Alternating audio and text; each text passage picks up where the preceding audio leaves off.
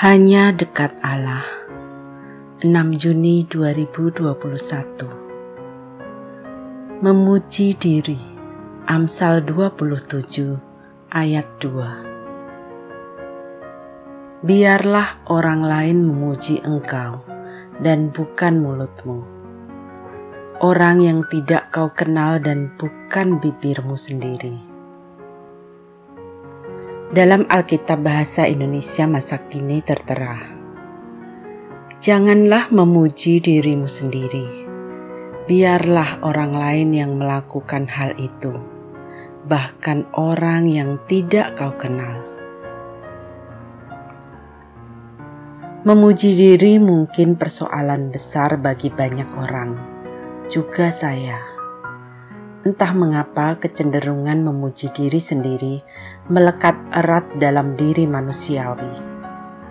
Bisa jadi karena manusia cenderung ingin terlihat lebih baik dari orang lain. Pujian bisa menempatkan seseorang dalam posisi tertentu. Ketika tidak ada orang yang memuji, maka perlulah sedikit informasi agar orang lain tahu posisinya dan akhirnya ikut memujinya. Dan kalau tidak ada juga pujian yang terlontar, maka kita merasa perlu, meski samar, memuji diri kita sendiri.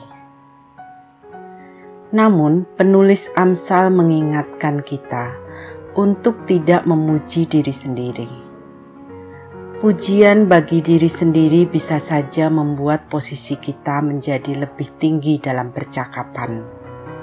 Namun, kita sama-sama tahu bahwa hanya orang yang berada di tempat tinggilah yang bisa jatuh.